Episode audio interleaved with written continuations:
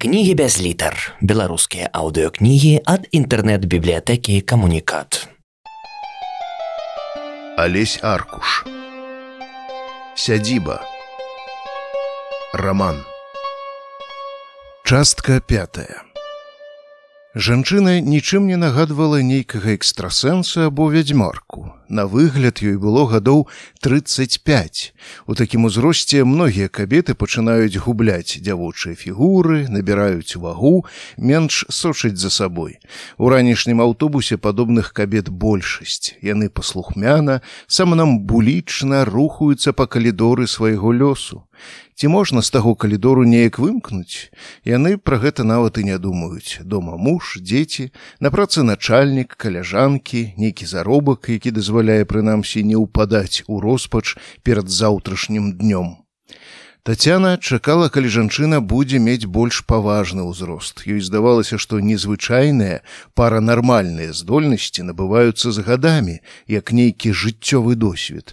І варожка альбо экстрасэнс мусіць быць мудрай бабулькай сівізной валасах.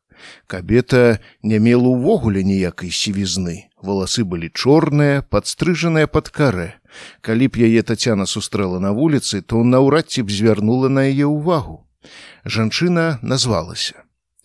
Марыя і запрасіла прайсці ў пакой. Пакой не адрозніваўся жыццёвай утульнасцю. Звычайная стандартная мэбля, якая ні на каліўцы не змянілася з часоў савецкага саюза, канапа, сервант, шафа і цёмна-бурачковы прамакутнікавы стол пасярод пакоя.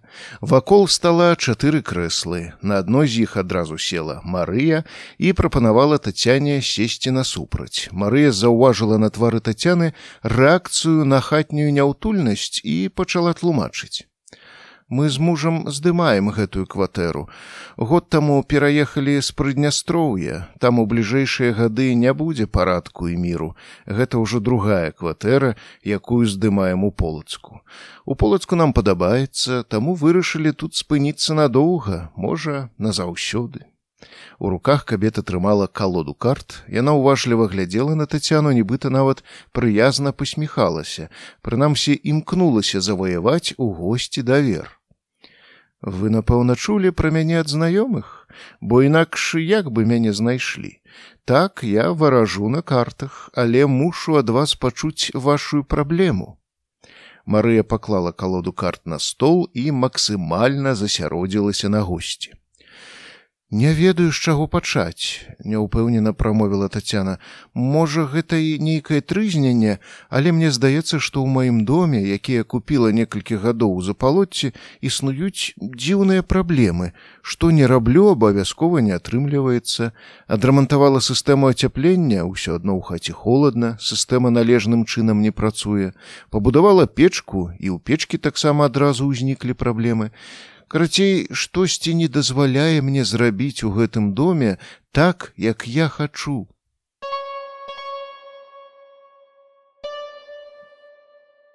Жулю стала кепска. Яго хістала ў бакі і ванітавала. Ён глядзеў такімі жаласнымі вачыма, што ў нас тацянай наварочваліся слёзы. Прыйшоў сусед, абыякова паглядзеў і сказаў, што калі сёння не дадзім яму 100 грамаў гарэлкі, сабака памрэ, напэўна, нечым атруціўся. У суседа гарэлка, відаць, была універсальным лекам.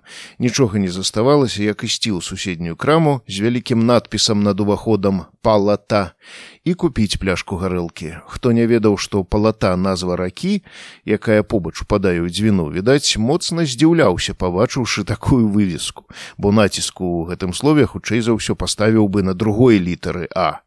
Гранавітая палата ці палата нумар 6 і першае і другое ў запалотці гучыць хутчэй здзекліва, чым вынаходліва. Але сабаку гэта не зразумець, ды і не да шыльды над крамай было ў той час жулю. Я расчапіў чацвераногаму сябру зяпу, а тацяна ўліла ў горла кілішак гарэлкі.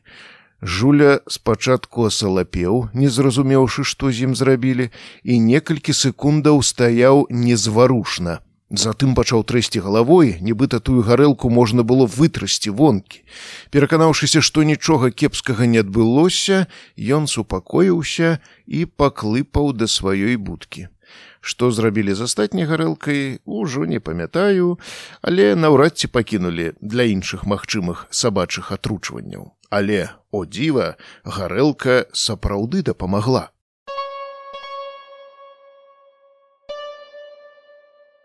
У маім пакоі ў бацькоўскай кватэры было двое дзвярэй. Адны выходзілі ў бок кухні, другія злучалі пакой з гасцёўняй. Навошта архітэктары праекціроўшчыкі так прыдумалі, па сёння для мяне загадка. Зразумела, дзверы, якія вялі ў гасцёўню, мае бацькі зачынілі, з боку гасцёўні заставілі секцыяй, а з майго пакоя завесілі дываном, пад якім уладкавалі канапу. Якраз на той канапе я і спаў і заўсёды адчуваў, што за дываном ёсць дзверы, амаль як у казцы казцы пра бураціна і нават уяўляў, што тыя дзверы вядуць зусім не ў гасцёўню, а можа нават у іншы дзіўны і казачны свет. У сне, напрыклад, я тыя дзверы мог адчыніць і адчыняў і па сёння памятаю дзіцячыя фантастычныя сны. Найбольш мяне здзіўляла што сны мелі працяг. То бок з ночы ў ноч адна і тая ж гісторыя разгортвалася ў цэлы фільм. Прычым я нават ведаў дзе тыя падзеі адбываліся мог туды схадзіць. Праўда наяве там усё выглядала інакш. Зусім іншыя будынкі іншыя дрэвы. Не якраз дрэва з тых сноў не памятаю. Нібыта нават іх і не было але будынкі сёння магу прыгадаць яны нечым нагадвалі элеватары. Ёсць такія высотныя збудаванні для захоўвання збожжа. Ці былі ў іх вокны? Магчыма былі Вельмі часта ў тых снах на вуліцах было пустэльна і бязлюдна, і я вяртаўся да хаты па гэтым голым, мёртвым урбаністычным ландшафце, і часам будынкі, якія бачыў наперадзе свайго шляху, былі як горы. Здавалася, да іх было зусім недалёка, а гэтае недалёка насамрэч ператваралася ў дзясяткі кіляметраў. І цэлы сон трэба было ісці і ісці ісці і ісці за будынкамі быў спуск да маёй рачулкі а там і знаёмы масток за мастком стадыён і дадому ўжо зусім блізка. І ва ўсіх гэтых снах я чамусьці толькі вяртаўся дадому. Адкуль? Чаму адзін? Што азначала гэтае вяртанне бадай у свае юначыя гады я такіх пытанняў сабе не задаваў. Прычым я асцярожна прабіраўся імкнуўся каб быць найменш прыкметным. Штосьці варожае я гэта ведаў дакладна магло мяне перастрэць на дарозе. І толькі ва ўласнай кватэры я адчуваў сябе ў поўнай бяспецы і сёння мне здаецца што бацькі адмыслова хавалі ад мяне гэтыя патаемныя дзверы бо ў іх нельга было заходзіць наяве інакш можна не вярнуцца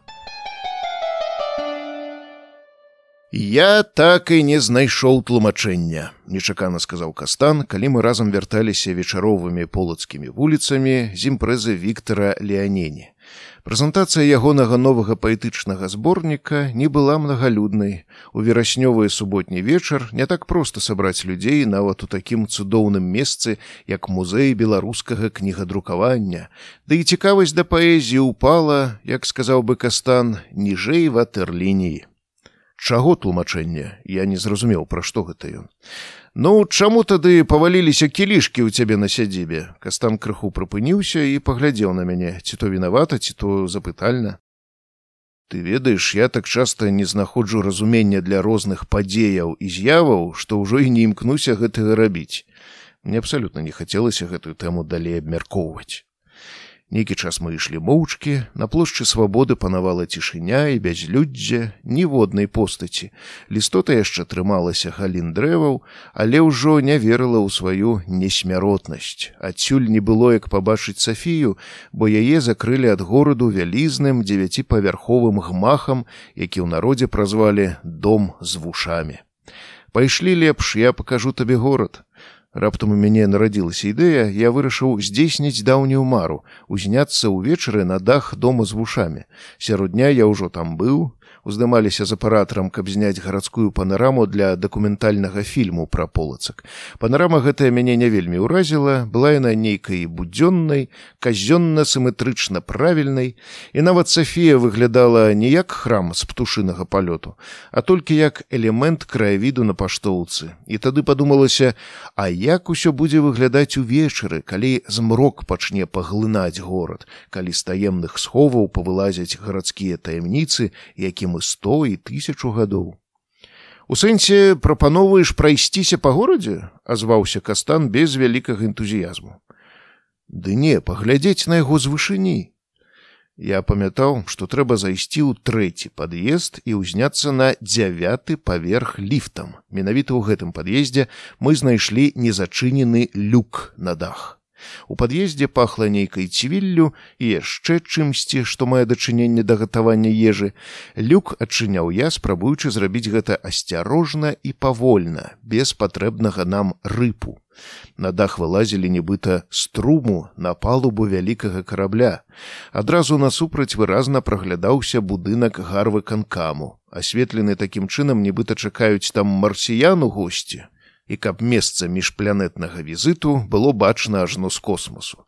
Далей за будынкам гарвыканкаму раўнюткай указальнай стралой ляжаў праспект францыска скарыны, упрыгожаны шарамі ліхтароў і кучаравасцю каштанаў, куды паказвала гэтая стрэлка немагчыма было разгледзець, калі вакол плошчы свабоды гарадское святло нібыта не баялася цемры і высока сягала ўверх, то надлегласці за плошчай скарыны святло ўжо па паводзіла сябе больш стрымана. Здавалася, што яно сур'ёзна прыціснута зверху шматлікімі пластамі цемры. Узнікала нават трывога, ці вытрымае яно да раніцы гэты касмічны ціск. Ну, як табе? спытаў я кастана, нібыта чалавек першы раз прыехаў у полацак, яму зрабілі адмысловую экскурсію, цяпер пытаюцца пра ўражанне. Адвал башкі! Узнёсла адказаў ён раскінуў бы крылы паляцеў вось тут і варта праводзіць прэзентацыі кніг паэзіі ну скажы праўда ж файная ідэя файная толькі дазвол ніхто не дасць ну вось так заўжды. Калі нешта файнае то на гэта няма дазволу. Блазнавата вымавіў кастана і засмяяўся. Але гэта яшчэ не ўсё. Пайшлі на іншы бок там нават цікавей Мы развярнуліся і старожка пасунуліся на супрацьлеглы бок даху, крыху слізгаючы падэшвамі сваіх туфель па рубероідзе. Ё, галоўным героем панарамы з гэтага боку быў, канешне, сафійскі сабор. Яго таксама ў вечаровы час падсвечвалі з усіх бакоў. Спачатку Сафія мне падавалася нейкім унікальным экспанатам у шыкоўным багатым музеі, такой перлінай, якую выстаўляюць адну на ўсю вялікую залю.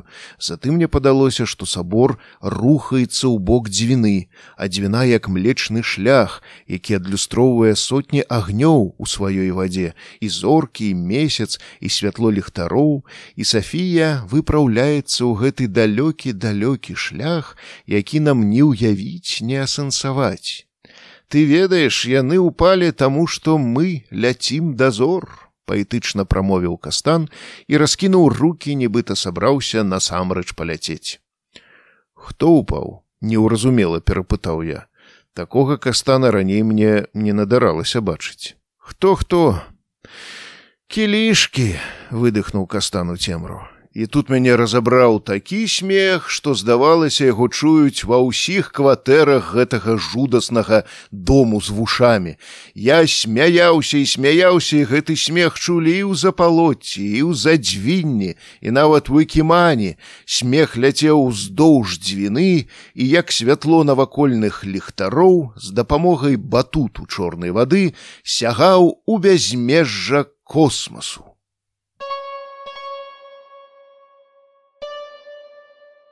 Тацяна ніяк не магла даўмецца, што гэта за гук. Штосьці ў доме ці то бразгацела, нібыта ў цягніку лыжачка ў шклянцы, ці шарахцела, ці драпалася. Спачатку Тацяна падумала, што гэта зноў мышы. Яны па вясне неяк апанавалі сядзібу. Відаць, даспадобы прыйшліся ваўняныя ніткі, з якіх добра ладзіць утульныя гнёзды ў норах. Тацяна ў інтэрнэце ўзялася высвятляць метады змагання з аматарамі ваўняных гнёздаў, усялякія пасткі і іншыя сярэднявечныя прылады прыціскання, адсякання і чацвертавання Тацяна адразу адмяла. Лепш ужо пазбаўляць жыцця цывілізаваным метадам эўтаназіі. Праўда, ніхто не збіраўся пытацца ў мышэй, ці спраўды яны выбіраюць смерць па ўласным жаданні. Проста ў краме купілі адмысловую атруту і расклалі па ўсіх закутках. Праз тыдзень мышы зніклі, і ваўняныя ніткі атрымалі гарантаваную бяспеку. Тацяна ўжо пачала згадваць, у якой такой краме прадаецца атрута для мышэй. Зноў прыслухалася. На гэты раз гук ёй падаўся зусім не мышынам. Па-першае, ён гучаў ані з-пад дашку, ані з-пад полля, аднекуль з пярэдняга пакою, прычым нібыта з буфету. Тацяна падышла да яго і пачала адчыняць усе дзверцы, спрабуючы высветліць, што гэта за насланнё такое. І калі зірнула за шкло аддзела, дык там, дзе роўнымі мініятурнымі мінарэтамі грувасціўся посуд, пабачыла тое, што ніяк не паддавалася яе разуменню. У салятніцы ляжаў той самы амулет, які тацяна ўвесну знайшла ў сябе на градах. Ён рытмічна вібраваў, як маленькае бронзавае сэрцайка. Некалькі хвілінаў Тацяна заварожана назірала за гэтым дзівам, затым працягнула рукі і ўзяла салятніцу з амулетам. І адразу ўсё знікла, і рухі, і гук, нібыта ўсё прымроілася, нібыта надарыліся галюцынацыі. Нічога сабе, і што гэта было? У голас сама сабе прамовіла Тацяна. Яна ўзяла ў руку амулет, Ён паказаўся ёй цёплым, хаця, можа, толькі паказаўся. Во дзіва! яшчэ раз выгукнула Тацяна і ўжо звяртаючыся да амулета сказала: « Што, спудзіўся як птушаня, не пакрыўджу, не бойся. Але амулет ніяк не адрэагаваў, ён роўненька ляжаў на далоне. Тацяна уважліва пачала яго разглядаць. Нічога ў ім не змянілася, быў дакладна такім самым, якім яна яго знайшла на градах. Во дзіва! яшчэ раз прамовіла Тацяна гэта ўжо нейкія чароўныя казкі братоў грым. Яна асцярожна паклала амулет назад у салятніцу і пачала чакаць, але праз пяць хвілінаў і праз дзесяць і праз пятнаццаць нічога не адбылося. Бронзавы кружок са скручаную змяёй ляжаў бездыханна. І баран сарваўся з прывязі ў бальнічным двары майго дзяцінства, збег у невядомым кірунку, магчыма, у бок лесу, які мы называлі пчэльнік. Недзе побач з гэтым лесам пасвіліся падвопытныя авечкі навукова-даследчага інстытута жывёлагадоўлі.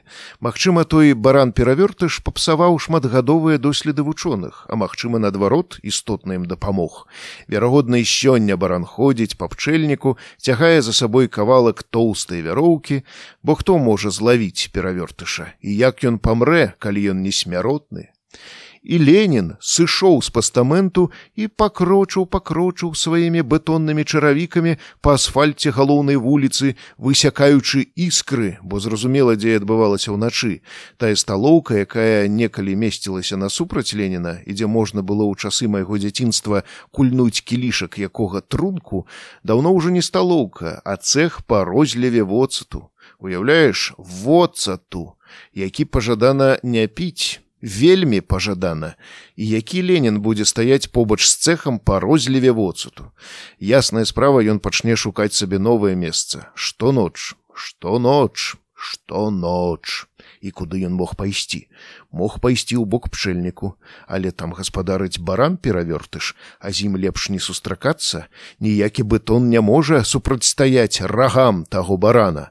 Мог пайсці ў бок судабоўкі, але якая карысць яму ад той вёскі, якую далучылі да гораду і якая так і не стала горадам, ну ніякай карысці.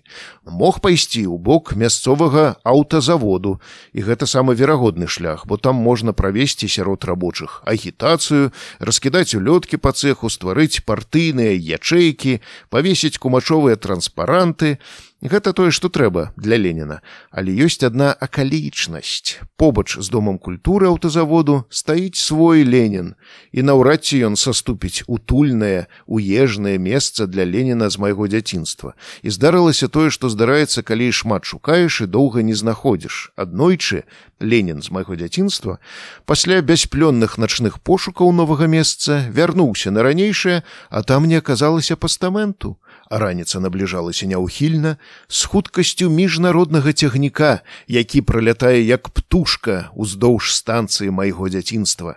Што, што, што рабіць? І пабег Ленін уніз па спартовай вуліцы да ракі і скокнуў з моста ў халодную кастрычніцкую ваду. І больш яго ніхто не бачыў. Ты адмыслова свой дэтэктыўны аповед скончыў такой загадкай? спытаў я кастана калі мы працавалі над чарговым нумарам газеты. Якой загадкай? Кастан прыкінуўся што нічога не разумее. А той загадкай што кубак баторыя недзе застаўся ў полацку. Ты вырашыў стварыць яшчэ адну легенду пра полацкія скарбы. Ну так атрымалася. Не хацеў я аддаваць кубак гэтаму злодзею капцюгу бо задужа гэта містычная рэч, каб ёй можна завалодаць шляхам забойства, разумееш? Нейкі час мы сядзелі моўчкі, займаючыся сваімі працоўнымі справамі, я пісаў артыкул пра сёлетнія археалагічныя раскопкі на вялікім пасадзе, пра тое, што археолагі раскапалі сядзібу полацкага залатара ювеліра, Учора я ездзіў на раскопы гутараў з археолагамі. Тыя казалі, што дзівяцца памерам сядзібы, якая была амаль як князская. Да таго ж яе існаванне якраз прыпадае на час выраблення лазарам богшам крыжа для эўфрасінні полацкай. Ці не сядзіба гэта самога лазара богшы. Даказаць гэта было досыць складана. У полацку не захавалася адрасная кніга 12 стагоддзя. Але калі ўлічыць, што лазар богша ў той час у полацку быў самым вядомым, а значыць і самым заможным залатаром, бо інакш не атрымаў бы аты ў фрасінні такой важнай адказнай замовы, то цалкам магчыма, што гэта і ёсць рэшткі сядзібы слыннага майстра.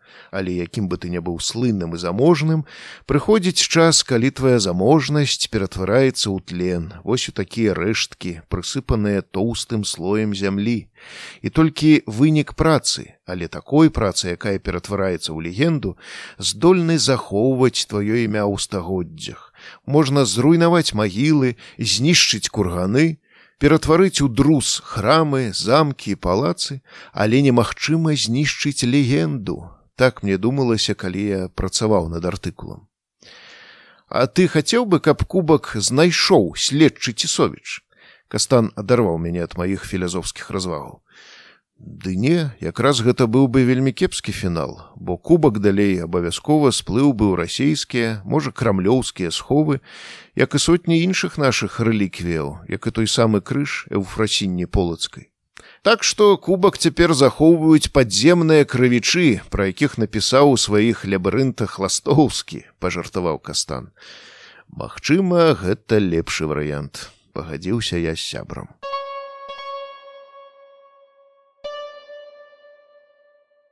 Кірля упарта нырала ў ваду дзвіны ў адным і тым жа месцы. Рабіла прыгожыя піке як пры палётах на прэстыжных авіяцыйных салёнах бул тых некалькі секундаў у вадзе узлёт новы віраж заход на тую самую пазіцыю і зноў бул тых. І што яна там хоча здабыць? Можа там якая чародка верхаводак сабралася утварыўшы гарантавана шчаслівае рыбацкае месца а можа нырае па кубак баторыя, падумалася мне, бо кубак той павінен моцна блішчэць, прабіваючы наскрозь сваёй зыркасцю не такую ўжо і глыбокую дзвінскую ваду. Вось так часам мастацкі твор уплывае на жыццё, нават кірля паверыла ў рэальны кубак баторыя. Я пасміхнуўся такой думцы. Часам важна ў нешта паверыць, і яно, тое, што паверыў, робіцца для цябе рэальнасцю. Галоўная вуліца запалоцця, якая раней называлася махіроўскай, па-ранейшаму заставалася незаасфальтаванай. Ніякія дажынкі, калі полацак перафарбоўвалі і пераасфальтоўвалі цалкам, ніякія прыезды прэзідэнтаў і патрыярхаў, ніякія тысячагадовыя юбілеі гораду не мелі ўплыву на вуліцу. Яна ўпарта трымалася сваёй патрыархальнасці, Хоць адсюль да галоўнай полацкай плошчы можна прайсці за 15 хвілін. Па мастку праз палату уздымаешся на ўзвышша да Сафіі, праходзіш каля сабору, мінаеш полацкі універсітэт, які месціцца ў былых езуіцкіх мурах. І вось вам цэнтральная плошча полацку вуліца махіроўская упарта заставалася ў ранейшай маёй спрадвечнасці. Таму надзвычай натуральна на ёй выглядае невялічкі статак кос, які гоніць добра нам знаёмая бабулька у сваім дамісезонным брызэнтавым плашчы. Чаму яна іх гоніць днём? У прынцыпе неістотна можа яна мяняе дыслякацыю бо акрамя сутокі палаты і дзвіны бабуля пасвіць сваіх карміліцы на вялікім заліўным лузе паміж мікрараёнам аэрадром і запалоццем там таксама маляўнічая мясціна аднак трэба прызнаць што на беразе дзвіны ёй падабалася больш Тацяна мела два шляхі да сядзібы. Можна шыбаваць па маленькіх вулачках і завулках і выходзіць наўпрост на свой михайлаўскі завулак. За ўсё шматпакутнае віхурнае два стагоддзя ніхто так і не даўмеўся гэты невялічкі завулачак перайменаваць. Михайлаўскім ён прынамсі называўся і на мапах 17 стагоддзя. Праз квартал амаль такая ж суседняя невялікая вулачка мела назву Якуба коласа. Там нават на адным з дамоў вісіць мемарыяльная шыльда з тлумачэннем, праўда, на рускай мове у гонар каго вулачка названая. Тацяна добра ведала, што назва яе завулка не мае дачынення ні да аднаго з беларускіх пісьменнікаў, ні да мехася зарэцкага, а было б някепска, ні да мехася лынькова, ні да мехася стральцова, таксама было б някепска. Проста завулак выходзіць на вуліцу михайлаўскую, якая таксама па сёння захавала сваю назву, а михайлаўская раней раней выходзіла да михайлаўскай царквы, якая калісьці месцілася ў запалоцці. Ад яе, праўда, не засталося і падмуркаў, але на святым месцы стаіць вялізная у дзевяць вокнаў хата, адметная тым, што яе гаспадары трымаюць пчолаў, якія перыядычна люта атакуюць прахожых у наваколле. Таму ў крытычныя для пчолаў дні Тацяна выбірае іншы шлях да сядзібы па вуліцы махероўскай. Але вернемся да бабулі з козамі. Калі тацяна параўнялася з бабцяй, тая яе гукнула. Жанчынка, гэта відаць вашая стужка. Бабця дастала з кішэні свайго дэмісезоннага брызэнтавага плашча невялікую чырвоную стужку і працягнула тацяне. Тацяна ўзяла, і пачала разглядаць. Гэта была ільняная стужка грубай ручной працы. Ніткі, з якіх тую стужку калісьці выткалі, відавочна самаробныя, мелі розную таўшчыню. У гэтым тацяна добра разбіралася. Стужку спачатку выткалі, а затым нечым пафарбавалі, нейкай моцнай натуральнай фарбай колеру крыві. А з чаго вы ўзялі, што гэта моя стужка? Спытала бабцю татяна працягваючы разглядаць гэты дзіўны кавалачак матэры. А гэта ваш сабака згубіў я бачыла дакладна ваш адказала бабця з прыязнай усмешкай на рахманым твары. Дзякуй няхай будзе наша аддзячыла бабці татяна на сядзібе татяна пачала разглядаць стужку на святло і заўважыла выразны надпіс. Торвальдр Паўлік забіў стасіка. Гэтая навіна ў мяне выклікала шок, пра што можна так горача спрачацца, каб у выніку забіць апанента, прычым брата блізнюка і чаму слабейшы ціхмянейшы паўлік забіў мацнейшага балагурыстага стасіка. Для мяне гэта неверагодная загадка, ніхто нічога не патлумачыў, мае бацькі толькі паціскалі плячыма, маўляў, ведаем толькі тое, што ведаем. І ўсе нашы супольныя канцэрты ў дзіцячай музычнай сталоўцы і рыбалкі, і футбол і дваровыя гульні адразу набылі іншы колер і смак. Колер смутку смак жальбы смак трызны. Моя мама кажа усё з-за гарэлкі але гарэлку п'юць мільёны людзей далёка не ўсе з іх забойцы. Што гэта было? Ці быў той шлях якім ішлі браты блізнюкі шлях на канавання шлях якім калісьці нібыта мы ішлі побач Але яны ўвесь час сыходзілі, а я ўвесь час вяртаўся сярод небяспечных вышэзных дамоў элеватараў. Гэтую дарогу вяртання памятаю па сёння да драбніц, галоўнае дайсці да мастка праз раку. Цяпер я ведаў, што ў гэтым месцы шчыльна захутаны водрасцямі ляжаў Ленін майго дзяцінства. Рука, якой ён указваў дарогу ў лепшы свет, даўно адламілася і сплыла ў чорнае мора. Ленін захутаны ў водарасці як егіпецкая мумія цяпер не мог мяне бачыць Магчыма ён чуў мае крокі па мастку але паспрабуй скрануцца калі ты шчыльна захутаная мумія цяпер недзе побач з леніным для мяне ляжалі і стасік з паўлікам Паўліка пасадзілі ў турму, там ён захварэў на сухоты, памністы і выйшаў і неўзабаве памёр у бацькоўскай кватэры. Адзін, без бацькоў, якія на той час ужо адышлі ў лепшы свет, без брата блізнюка, без Леніна. Не падавалася, што менавіта Ленін вінаваты ў гэтай трагедыі, той самы, які ўсё нашае дзяцінства юнацтва паказваў на сталоўку з бадзёрымі трункамі.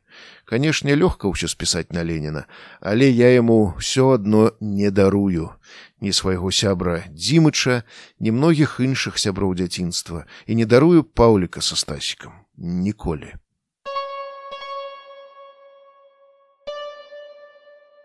Пазней мне некалькі разоў снілася, як сава пераследуе крумкача. Гэта было добра зробленае відэа, верагодна з удзелам кампутарнай графікі з вялікімі відэаплянамі і вачыма птушак на ўвесь экран. Я ўсё больш схіляўся да думкі, што сава можа быць добрай паляўнічай птушкай, штосьці на ўзор сокалаў і беркутаў, якіх раней выкарыстоўвалі для палявання. Толькі гэтае паляванне мусіць быць зусім не на дзічыну. А на каго спытаеце вы на штосьці эзотэрычнае і містычнае на д'яблаву сілу напрыклад уяўляю як вялізны пугач сядзіць у мяне на плячы па-савінаму мружыць вочы і прыслухоўваецца і мы разам з ім выпраўляемся ў цямрэчу начы на паляванне. Адразу ў маёй свядомасці ўзнікаюць гэтыя элеватары з цёмнымі вокнамі. Цяпер мне не так страшна я нават пачуваюся героем з мітаў элады Але тут пугач нахіляецца ў сутыч да майго вуха і нейкім механічным голасам, якім гавораць уваходныя дзверы ў пад'езд шматпавярховіка скрыгоча. Галоўнае не даць сябе напужаць. Затым вялізная птушка адштурхнулася ад майго пляча і паляцела праз дзвіну ў бок вострава. Некалькі хвілінаў мне здавалася, што я чуў свіст яе магутных крылаў.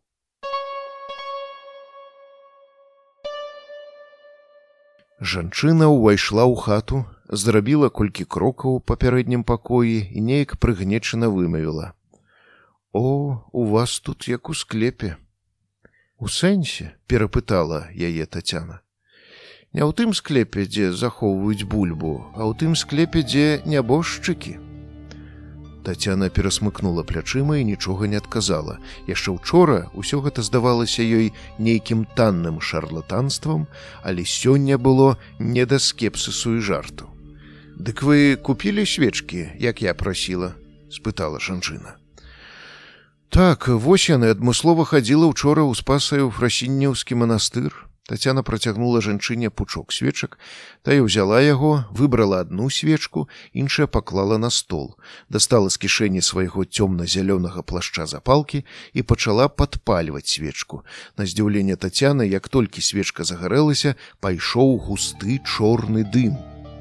Ну вось, бачыце, якія тут праблемы сказала жанчына нібыта праводзіла якісьці вопыт па хіміі тлумачыла яго першыя вынікі Як я вам ужо казала, у гэтым доме раней жыла кабета, якая мела такія ж здольнасці, як і я.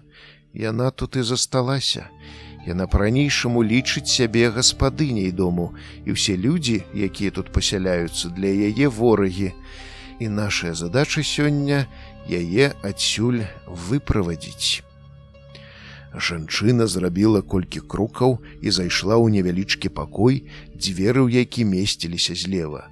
Адтуль загучаў яе ўпэўнены нават крыху ваяўнічы голас. Яна штосьці хутка хутка прагаворвала, часам вельмі неразборліва, але асобныя пачутыя словы падказвалі тацяне, што жанчына чытала нейкую малітву. Дзенне доўжылася каля гадзіны. За гэты час жанчына спаліла некалькі свечак і абышла ўсе пакоі дома. Было бачна, што выгнанне далося ёй няпроста. На яе твары чыталася стомленасць. Жанчына прысела на адно з крэсел, якія атачалі стол у пярэднім пакоі і рухам рукі прапанавала сесці побач тацяня. Што магла, я зрабіла. Думаю, у мяне ўсё атрымалася.